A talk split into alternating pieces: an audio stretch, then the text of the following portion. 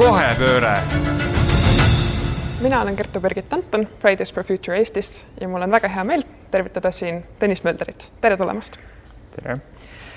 teaduslik üksmeel ütleb, et meil on nüüdseks juba praktiliselt võimatu hoida kliima soojenemist ühe koma viie kraadi piires.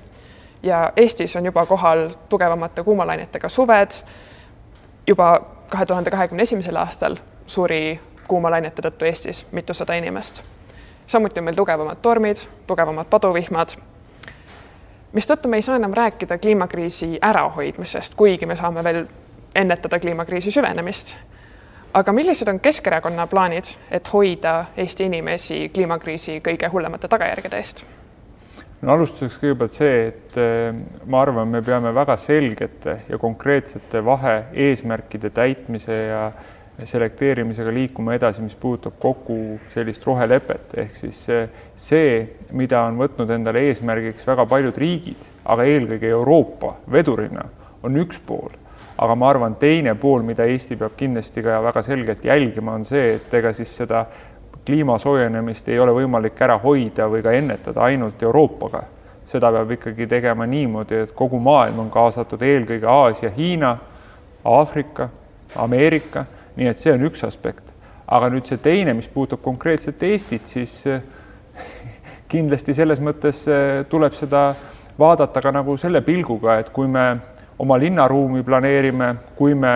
ehitame välja erinevaid taristuobjekte, siis kindlasti tuleb täna arvestada sellega, et heitlikud ilmaolud on Eestis täiesti sagedane nähtus. ma arvan, et eh, suured tulvaveed, suured sademed suveperioodil, suured tormid talvisel perioodil ma arvan, selline elektrikatkestus, nagu oli kuu aega tagasi Saaremaal, ma arvan, et see saab olema üha sagedasem, nii et sellised eh, elektrivarustuskindlus, sademevee ärajuhtimine, sellega arvestamine peab olema ikkagi juba planeerimisprotsessis täna üks eesmärk omaette. Eestis on juba praeguseks kliimamuutuste tõttu talv jäänud ligi kuu aega lühemaks, meil on vähem lund, meil on vähem külma aega aga teie valimisprogrammis sisaldub lubadus taastada Eesti kui suusariigi kuulsus ja maine. kuidas te seda teete, kui meil lund on vähem ja suusatada saab vähem? selle lubaduse üks pool oligi see, et me rajame suusatunneli. suusatunnel tähendabki seda, et meil ei olegi võimalik enam looduslikus lumes suusasporti teha ja tõesti, meie erakonnaga on liitunud endine Eesti suusakoondise peatreener Anti Saarepuu, kes on seda ideed vedanud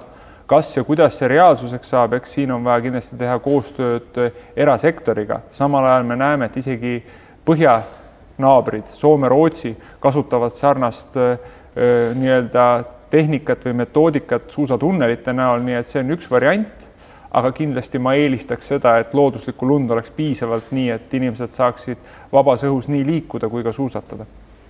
kuidas on suusatunneli rajamine, mis ilmselt on üsna ressursimahukas, kuidas see on kooskõlas looduse hoidmise ja ressursside säästmisega?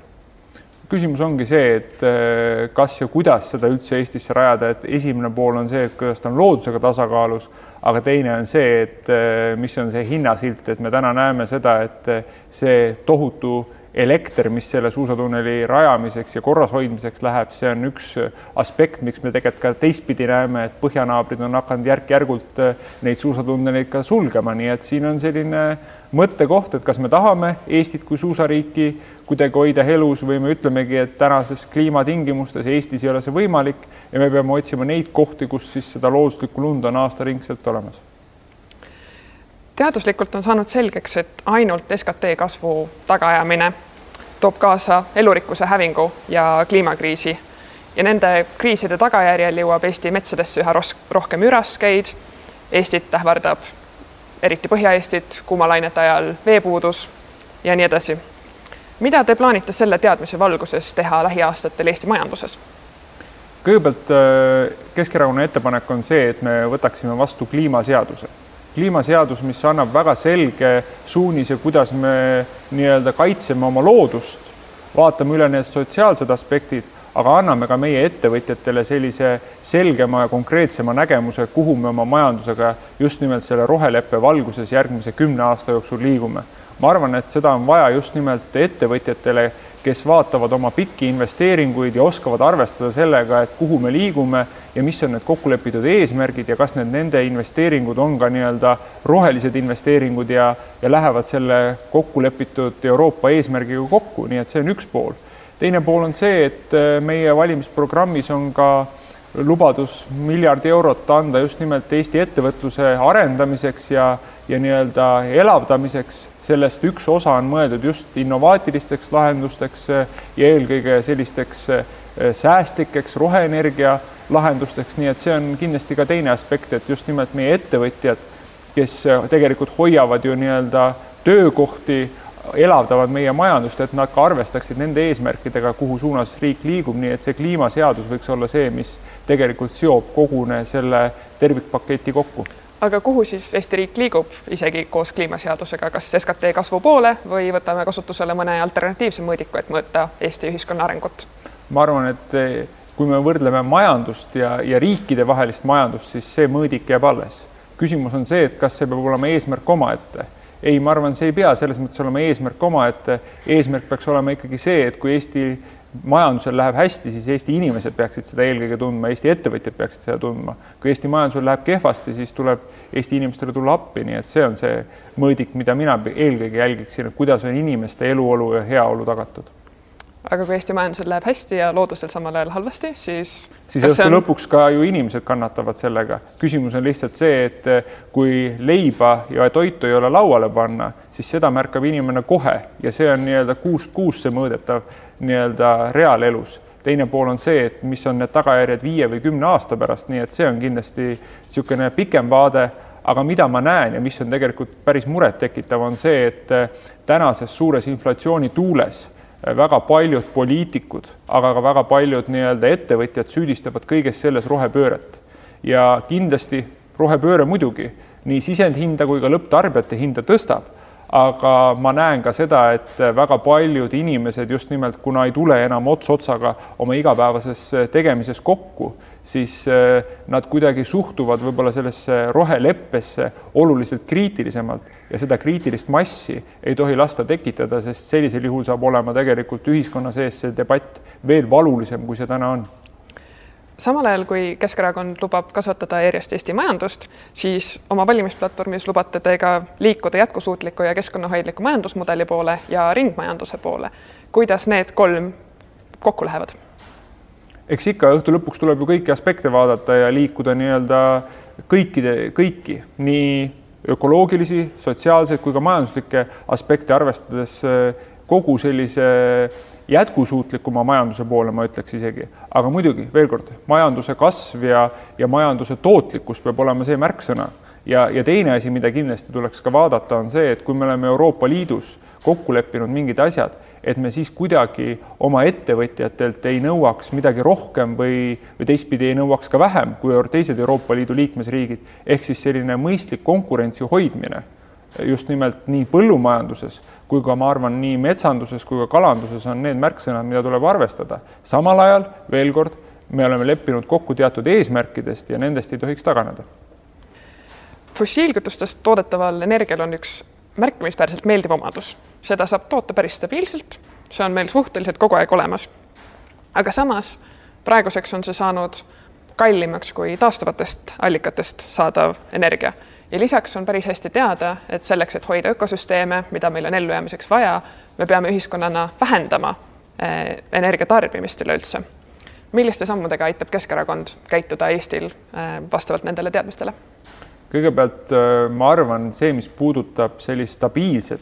aga ka rohelise energia tootmist, siis siin peaksid kõik erakonnad peeglisse vaatama, kaasa arvatud Keskerakond. viimase kümne aasta jooksul on minu meelest tehtud selles mõttes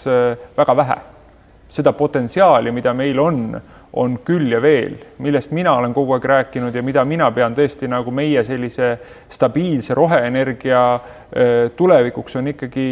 tuul ja eelkõige meretuulepargid. muidugi siin tuleb arvestada sellega, et see puudutab nii-öelda rannaäärset elanikkonda, see puudutab kalandussektorit, see puudutab lindusid, kalasid aga veel kord, see on meie potentsiaal. väga paljud Kesk-Euroopa riigid, neil ei ole võimalik ehitada meretuuleparke, sest neil lihtsalt ei ole merepiiri. meil see võimekus on olemas ja ma arvan, et sealt on võimalik ka seda stabiilset ja juhitavat elektrienergiat toota teine pool on see, et äh, mis on ka Keskerakonna valimisplatvormis sees, on põlevkivi elektrienergia, et me ei loobuks sellest enne, kui meil on need alternatiivid valmis ehitatud, sest veel kord, arvestades tänast julgeoleku olukorda, siis selline iga riigi isemajandamine või ise elektrienergia tootmine on täna julgeoleku garant ja siin kindlasti tuleb seda tasakaalu hoida, aga veel kord, ma vaadates seda tahet, mis vähemalt hetkel kõikidel erakondadel on, siis seda roheenergiat võiks tulla küll järgmise viie või kümne aasta jooksul piisavalt, nii et Eesti saaks oma võimekuse tagatud.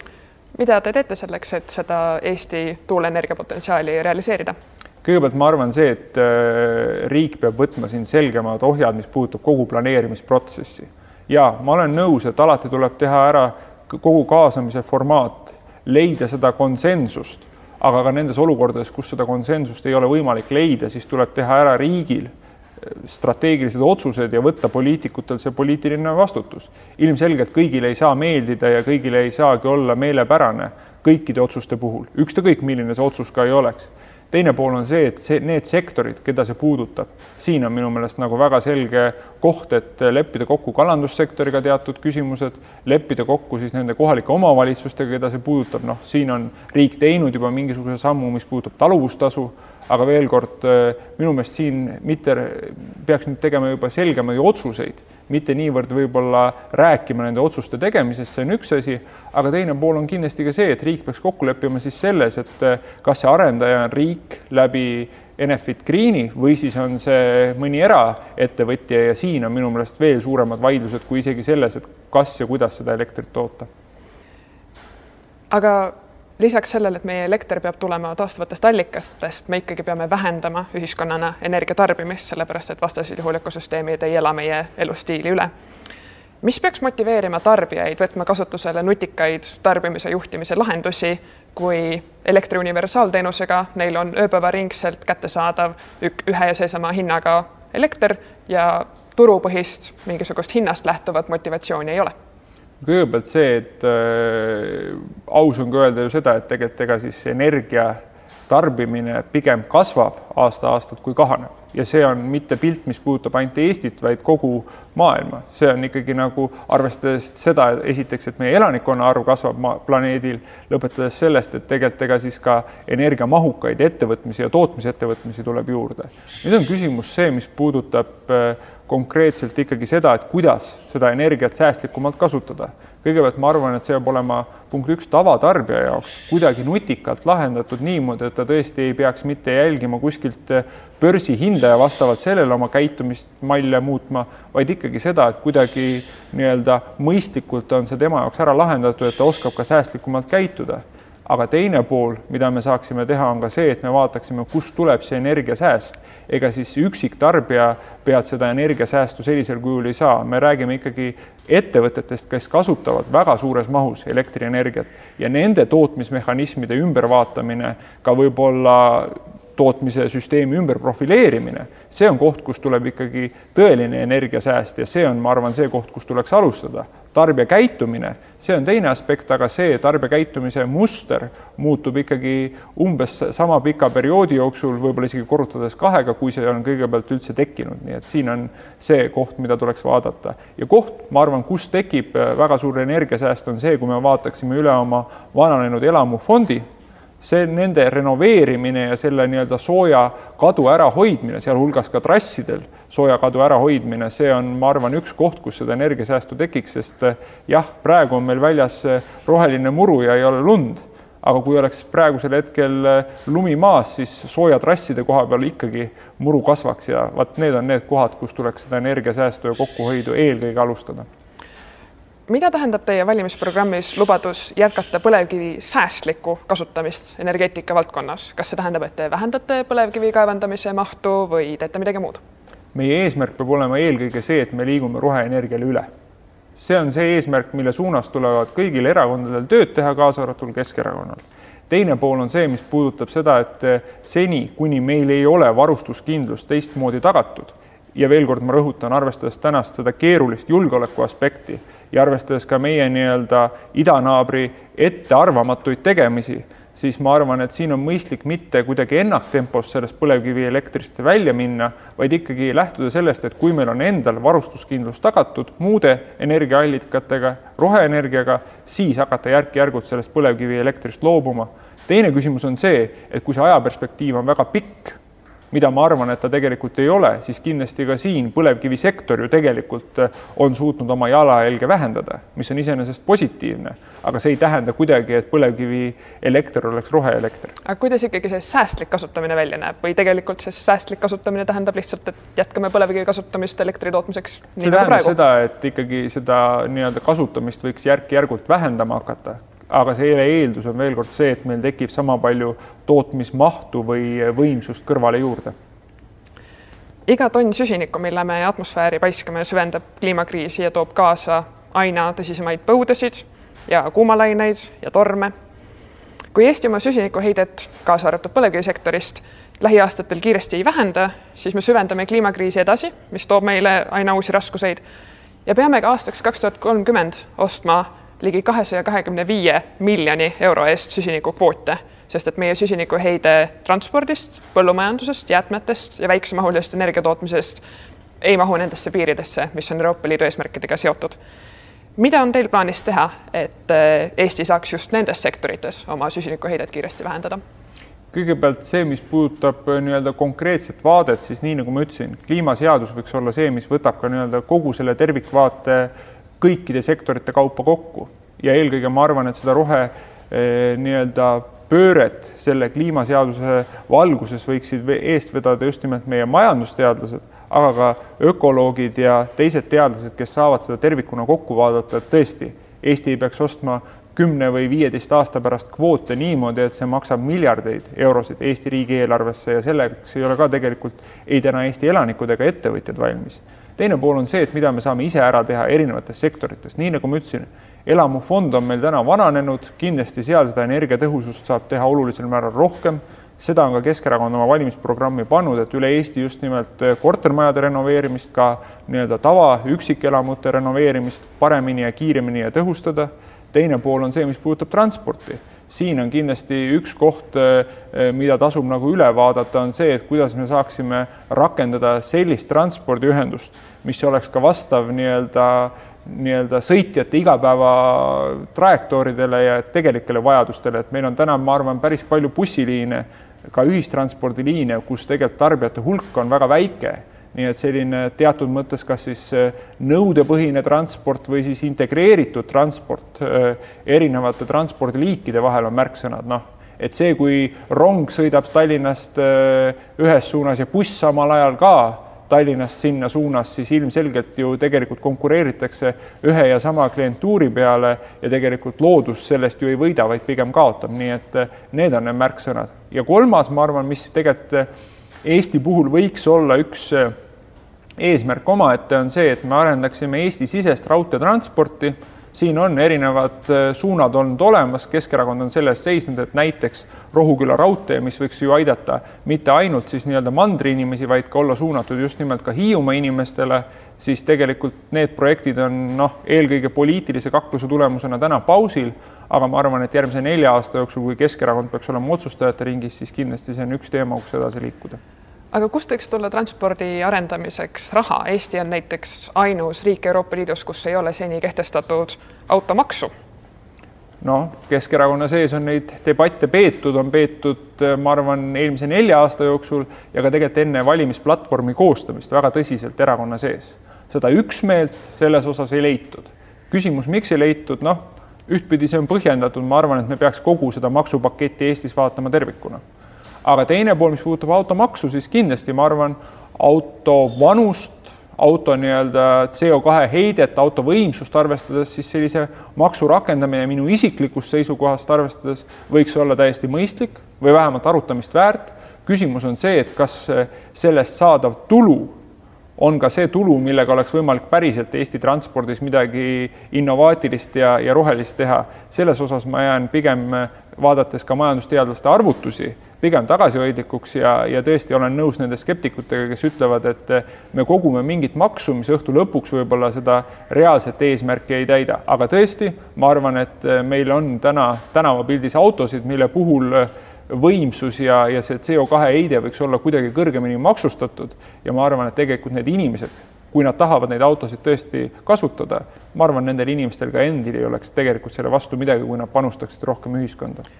Tallinna tasuta ühistranspordi näitel on näha, et pärast tasuta ühistranspordi juurutamist ühistranspordi kasutajate arv ega osakaal ei ole eriliselt kasvanud, küll aga võtab tasuta ühistransport linna eelarvest järjest rohkem raha. aga samal ajal on Keskerakonna valimisplatvormis lubadus laiendada üle Eesti tasuta ühistransporti kasutavate inimeste ringi. miks te seda lubate, kui see tegelikult ei ole toonud ühistransporti kasutajaid juurde? Kui me vaatame viimast poolt aastat, kus Eesti on olnud Euroopa Liidu kõige suurema inflatsiooniga riike, siis ühistranspordi kasutajate hulk on ligemale paarkümmend protsenti üle Eesti tõusnud. sealhulgas ma arvan, et inimesed täna väga selgelt jälgivad seda, et mis on kütuse hind ja mis on see nii-öelda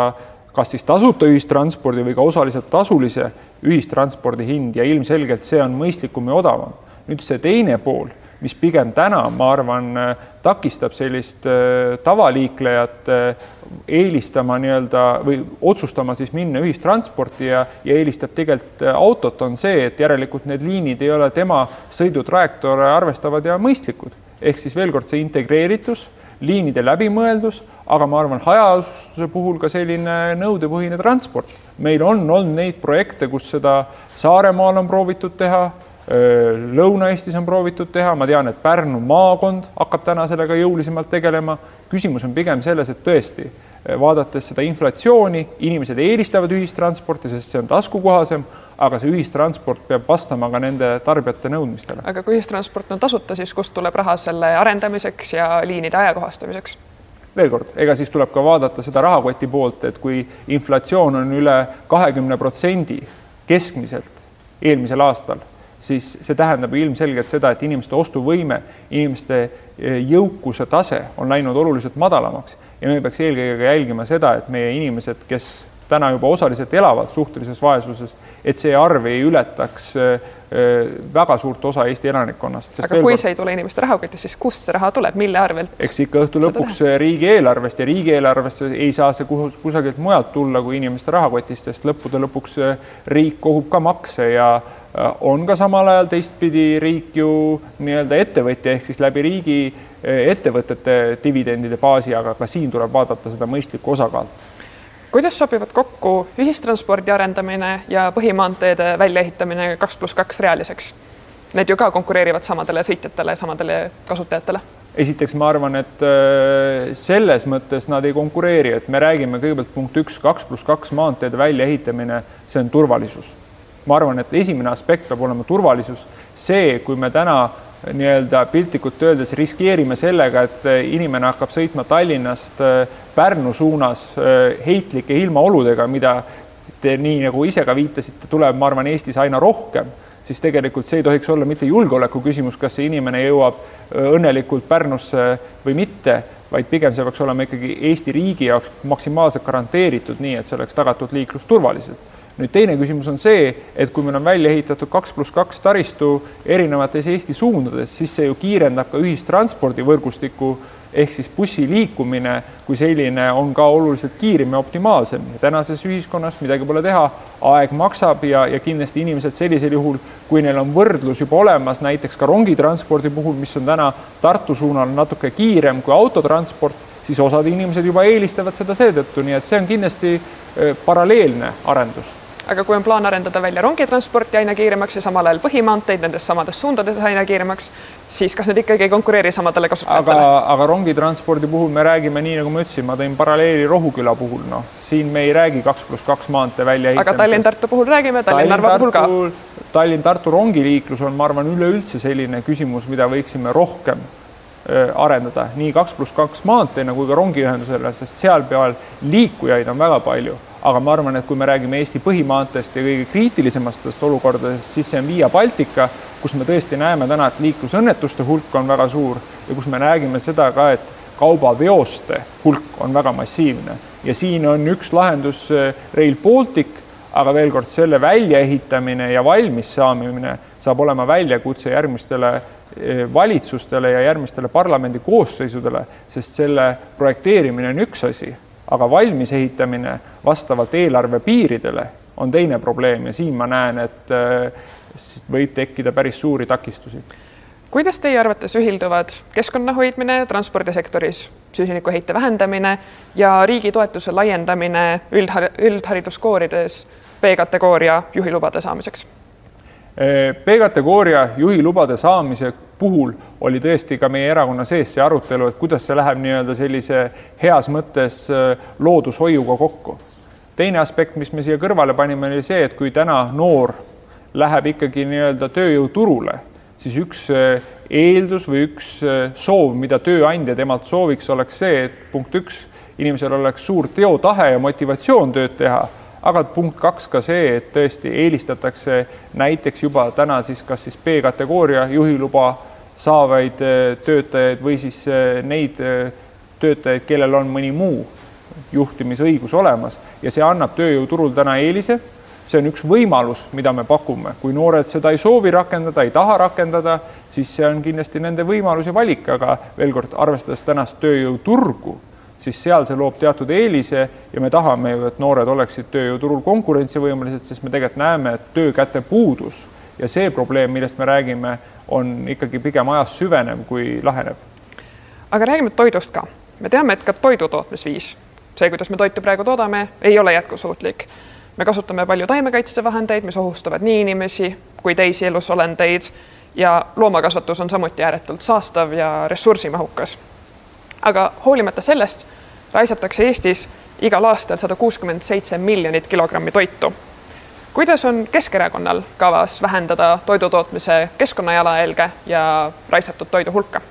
kõigepealt äh, meie programmis on kirjas see, et me võiksime liikuda rohkem kogukondliku toidu nii-öelda tootmise ja tarbimise suunas, et vähendada just nimelt nii tootmisele kui ka kogu logistikale minevat seda jalajälge. küsimus on pigem selles, et kas ja kuidas seda Eestis võimalik teha on, arvestades seda, et igal pool ei ole võimalik nii-öelda piltlikult öeldes, arvestades siis meie muldade viljakust ja seda kõike, erinevaid tootmisahelaid üles panna, pluss teine asi, arvestades Eesti turu väiksust, siis kas see on ka majanduslikult äh, mõistlik ja otstarbekas? Ehk siin tuleks vaadata sellist mõistlikku tasakaalu, aga veel kord, ma arvan, see, et kui, kui kõrval naabrimees kasvatab talus kanu, siis ilmselgelt mune võiks osta just nimelt selle naabri talumehe käest, mitte siis minna eh, kümme kilomeetrit eemale poodi ja osta sealt eh, nii-öelda neid tooteid või, või teenuseid või, või toidukaupasid, mida siis on Eestisse sisse toodud. aga kuidas te siis koht. kavatsete seda kogukondlikku toidutootmist edendada? ma arvan, et üks asi on see, et seda tuleb propageerida, punkt üks, teine asi on see, et luua siis kas siis erinevad programmid või meetmed selle ellu rakendamiseks. aga ma arvan, et mis on ka väga oluline, et kui me räägime toidu tootmise puhul keskkonna jalajälje vähendamisest, siis siin tuleb ka rääkida sellest, et üleüldse inimeste tarbimist toidu puhul tuleks äh, nii-öelda eelkõige mitte riigi poolt siis üle vaadata, vaid igal inimesel endal. ehk siis see kogus toitu, mida ostetakse, selle eeldus võiks ka olla see, et inimene enam-vähem tarbib ka selle kogu toidukoguse ära ehk toidu raiskamist vähendada ja see juba tegelikult, ma arvan, ka toidu tootmise jalajälge aitaks omakorda vähendada. Te lubate oma valimisprogrammis muuta kaubanduses ja ettevõtetel ülejääva toidu annetamise neile majanduslikult efektiivsemaks kui äraviskamise. kuidas te täpselt kavatsete selle lubaduse ellu viia? kui me vaatame tänast süsteemi ehk siis äh, jäätmemajanduse hindasid, äh, prügi äraveo hindasid ja räägime sellest, kui bürokraatlikult keeruline on näiteks Toidupangale äh, realiseerimistähtaja lähenedes toidu annetamine, siis need ei ole omavahel tasakaalus. Kui majanduslikult on ettevõtjal odavam visata toitu ära, kui palgata endale kaks töölist, kes hakkavad paberimajandusega tegelema, pluss logistikalahendustega tegelema, et seda toitu loovutada, siis ilmselgelt ettevõtja tänases situatsioonis vaatab sellele asjale hoopis teistpidi otsa. küsimus on see, et me peaks vaatama punkt üks üle need regulatsioonid, mis puudutavad täna loovutamise osa ja toidu annetamist. See on, ma arvan, üks võimalus, kus Toidupank on tegelikult ka käesoleva parlamendi koosseisus teinud mitu sisulist ettepanekut, kahjuks parlamendis sellist äh, laiapindset toetust need ettepanekud leidnud ei ole. Aga teine pool on, ma arvan, ka see, et vaadata siis tõesti üle see, mis puudutab jäätmemajandust ja sealset hinnapoliitikat, et veel kord üks võimalus on minna kogusepõhiseks eh, nii-öelda maksustamiseks, aga teine pool on kindlasti see, mida ma ise arvan, me peaks eelisarendama, on see, et me kõigepealt räägime sorteeritud jäätmetest ja siis selle loovutamisest ja alles siis selle hinnastamisest. kas ma sain siis õigesti aru, et teil on plaanis muuta toidu äraviskamine ettevõtete jaoks kallimaks, seda kõrgemalt maksustades? see on üks võimalus, tõesti, et veel kord, ma arvan, kõigepealt tuleks vaadata üle regulatsioonid ja kui see ei aita, siis kindlasti tuleks üle vaadata ka see pool, mis puudutab äh, nii-öelda kogu seda hinnastamise poliitikat, veel kord, ei ole ju mõistlik ühestki otsast see, et odavam on toitu ära visata, kui see, et seda toitu võiks loovutada inimestele, kes seda tegelikult täna vajavad. ja mis on suurim probleem, ma arvan, see, et tegelikult Toidupanga äh, nii-öelda klientide hulk ei vähene ajas, mis võiks olla ju see positiivne efekt vaid pigem just nimelt suureneb ja see näitab tegelikult seda sotsiaalmajanduslikku probleemi, mis Eestis hetkel on. Millised on Keskerakonna arvates Eesti suhtes õiglased taimekaitsevahendite vähendamise ja säästliku kasutamise kohustused, mis meile Euroopa Liidust regulatsioonidega tulevad? see, see on hea küsimus, ega siis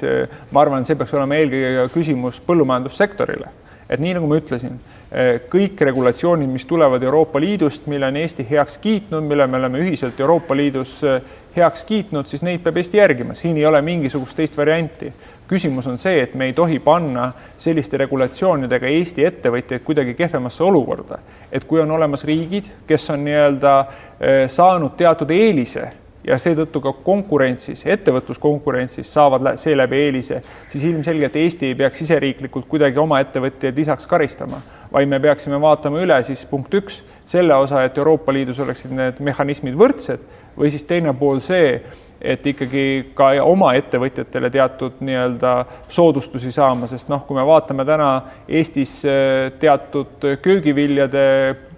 hindasid ja võrdleme neid näiteks Kesk-Euroopaga, siis muidugi siin tuleb arvestada seda, et punkt üks, mis on tootmis, sisendhind, aga punkt kaks ka see, et mis on need regulatsioonid ja, ja toetused siseriiklikult kui ka Euroopa Liidu poolt. Ja siin on tegelikult käärid vahel, siin me näeme ju seda, et Eesti põllumajandussektor ei saa sellises mahus toetusi nii nagu näiteks Poola. Nii et kui mujal Euroopa riikides on lubatud taimekaitsevahendeid rohkem kasutada ja sellega keskkonda rohkem kahjustada, siis me tahame Eestis ka sama teha. Me peame veel kord eh, liikuma selles suunas, mis me oleme Euroopas ühiselt kokku leppinud. aga ma ütlesin veel kord seda ka, et me ei saa oma ettevõtetelt nõuda rohkem kui teised Euroopa Liidu liikmesriigid, sest siis me paneme selle konkreetse sektori väga tugevalt löögi alla ja no siis me räägime sellest, et mingil hetkel meie toidutööstus, mis on tegelikult üks aspekt ka julgeolekust läheb nii-öelda sulgemise teed ja seda me kindlasti ei tahaks, sest veel kord, nii nagu ma ütlesin, tänases julgeolekuolukorras isetootav nii-öelda elektrivõimekus, eh, isemajandav eh, toiduvõimekus, vaat need on märksõnad, millega me peame rohkem tegelema, et meil oleks varustuskindlus olemas nendes aspektides. Eesti inimeste jaoks aina enam mets on teema, mis tekitab palju emotsioone, läheb väga paljudele korda. seitsekümmend seitse protsenti Eesti elanikest soovib vähendada raiemahtu riigile kuuluvates tulundusmetsades. samal ajal rohkem kui poolest Eestis raiutavast puidust valmistatakse lühikese elueaga tooteid või läheb see puit sootuks Euroopa keskküttekateldesse. mida kavatseb Keskerakond teha Eesti metsanduses, et Eesti metsad oleksid mitmekesised, elurikkad ja seoksid süsinikku? Alustuseks ma pean ütlema ja tunnistama seda, et ka Keskerakonnas on need vaated väga erinevad, aga ma nüüd ma räägin iseenda vaatest ja, ja siin ma saan rääkida ainult iseenda eest, et ka samas meie programm, ma arvan, peegeldab päris paljuski neid minu vaateid. küsimus on selles, et alustuseks peaks riik tegema selle otsuse ära ja see on täna, ma väidan, ministri tunniaja töö, võtta üks paber, kirjutada alla see raiemaht, mida ta peab mõistlikuks RMK-l järgmise siis nelja aasta või järgmise aasta jooksul majandada ja see on tegelikult esimene samm, mis oleks märk ühiskonnale, et jah, me tahame päriselt Eesti metsatagavara suurendada, jah, me tahame päriselt Eestis metsa rohkem kaitsta. mis see, raiemaht peaks olema? ma arvan, et see raiemaht eh, peaks liikuma, kui me räägime pindalaliselt kuskile sinna üheksa tuhande hektari peale. täna ta on julgelt üle kümne tuhande, mingil hetkel liginemas üheteistkümnele tuhandele hektarile. teine pool on see, mida, kuhu ühiskond peaks liikuma, on see, et me lepime kokku siis selles metsanduse arengukavas minu meelest see ei toeta ei loodushoidu, metsatagavara kasvu ega ka majandamist, kui meil ei ole ühiskondlikku kokkulepet, mida me tahame päriselt Eesti metsaga järgmise kümne aasta jooksul teha. jah, nägemused on erinevad, aga selles suunas me peaksime liikuma. kolmas pool on see, mis puudutab konkreetselt siis äh, äh, selles äh, metsanduse arengukavas rakendatavat raiemahtu. mina arvan, et kümme, viisteist, kakskümmend protsenti raiemahtu vähendada ei ole ju tegelikult probleem juhul kui me vaatame ka üle selle poole, millele te ka ise oma küsimuses viitasite, et mida me siis selle raiutud metsaga päriselt teeme. kui me looksime Eestis rohkem lisandväärtust, siis ma väidan, et pigem see majandussektor mitte ei kaotaks töökohti ja nii-öelda majanduse mahtu ja osakaalu, vaid pigem suurendaks. ja see on minu meelest see suurim probleem, mida me täna vaatame, et kui kui keegi poliitikutest ütleb, et vähendame metsa äh, raiemahtusid kümme kuni viisteist protsenti, siis töösturid on kohe, ütlevad oi-oi, nüüd läks tuhat kuni kaks tuhat töökohta äh, nii-öelda minema. ei, vastupidi, ma arvan, et siis tuleb vaadata oma tootmise nii-öelda põhimõtted ümber ja hakata just nimelt seda puitu, mida me oma metsadest saame, rohkem siin kohapeal väärindama ja siin on tegelikult Eestis minna veel küll ja küll. ja nüüd neljas aspekt on see, mis puudutab see, et äh, ma arvan, ei ole ka päris õige see, et äh, meie metsadest väga suur hulk läheb Kesk-Euroopa nii-öelda katlamajade kütteks. küsimus on tõesti selles, et äh, väheväärtuslik puit, millega ei ole midagi mõistlikku teha ja, ja mis on tõesti metsa majandamise tagajärjel jäänud alles, siis jah, selle osaline kasutamine Eesti nii-öelda keskküttejaamades või siis ka miks mitte, kui meil jääb seda üle Kesk-Euroopa küttejaamades on mõistlik, aga küsimus, kui me läheme nii-öelda oma tüvepuitu või siis eh, ümarpalki Kesk-Euroopa ahju ajama ja ütleme, et eh, Eesti on ikkagi metsarikas riik ja küll meil seda tagavara on, siis need ei ole minu meelest põhimõtted, millest peaks lähtuma. kas Keskerakond on pesitsusrahu kehtestamise poolt üle Eesti või vastu?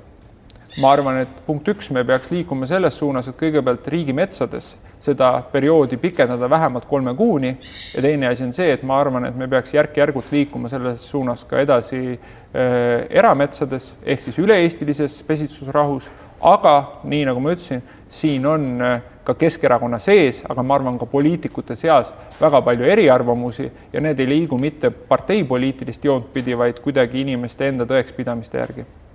ma tänan väga selle intervjuu eest. aitäh.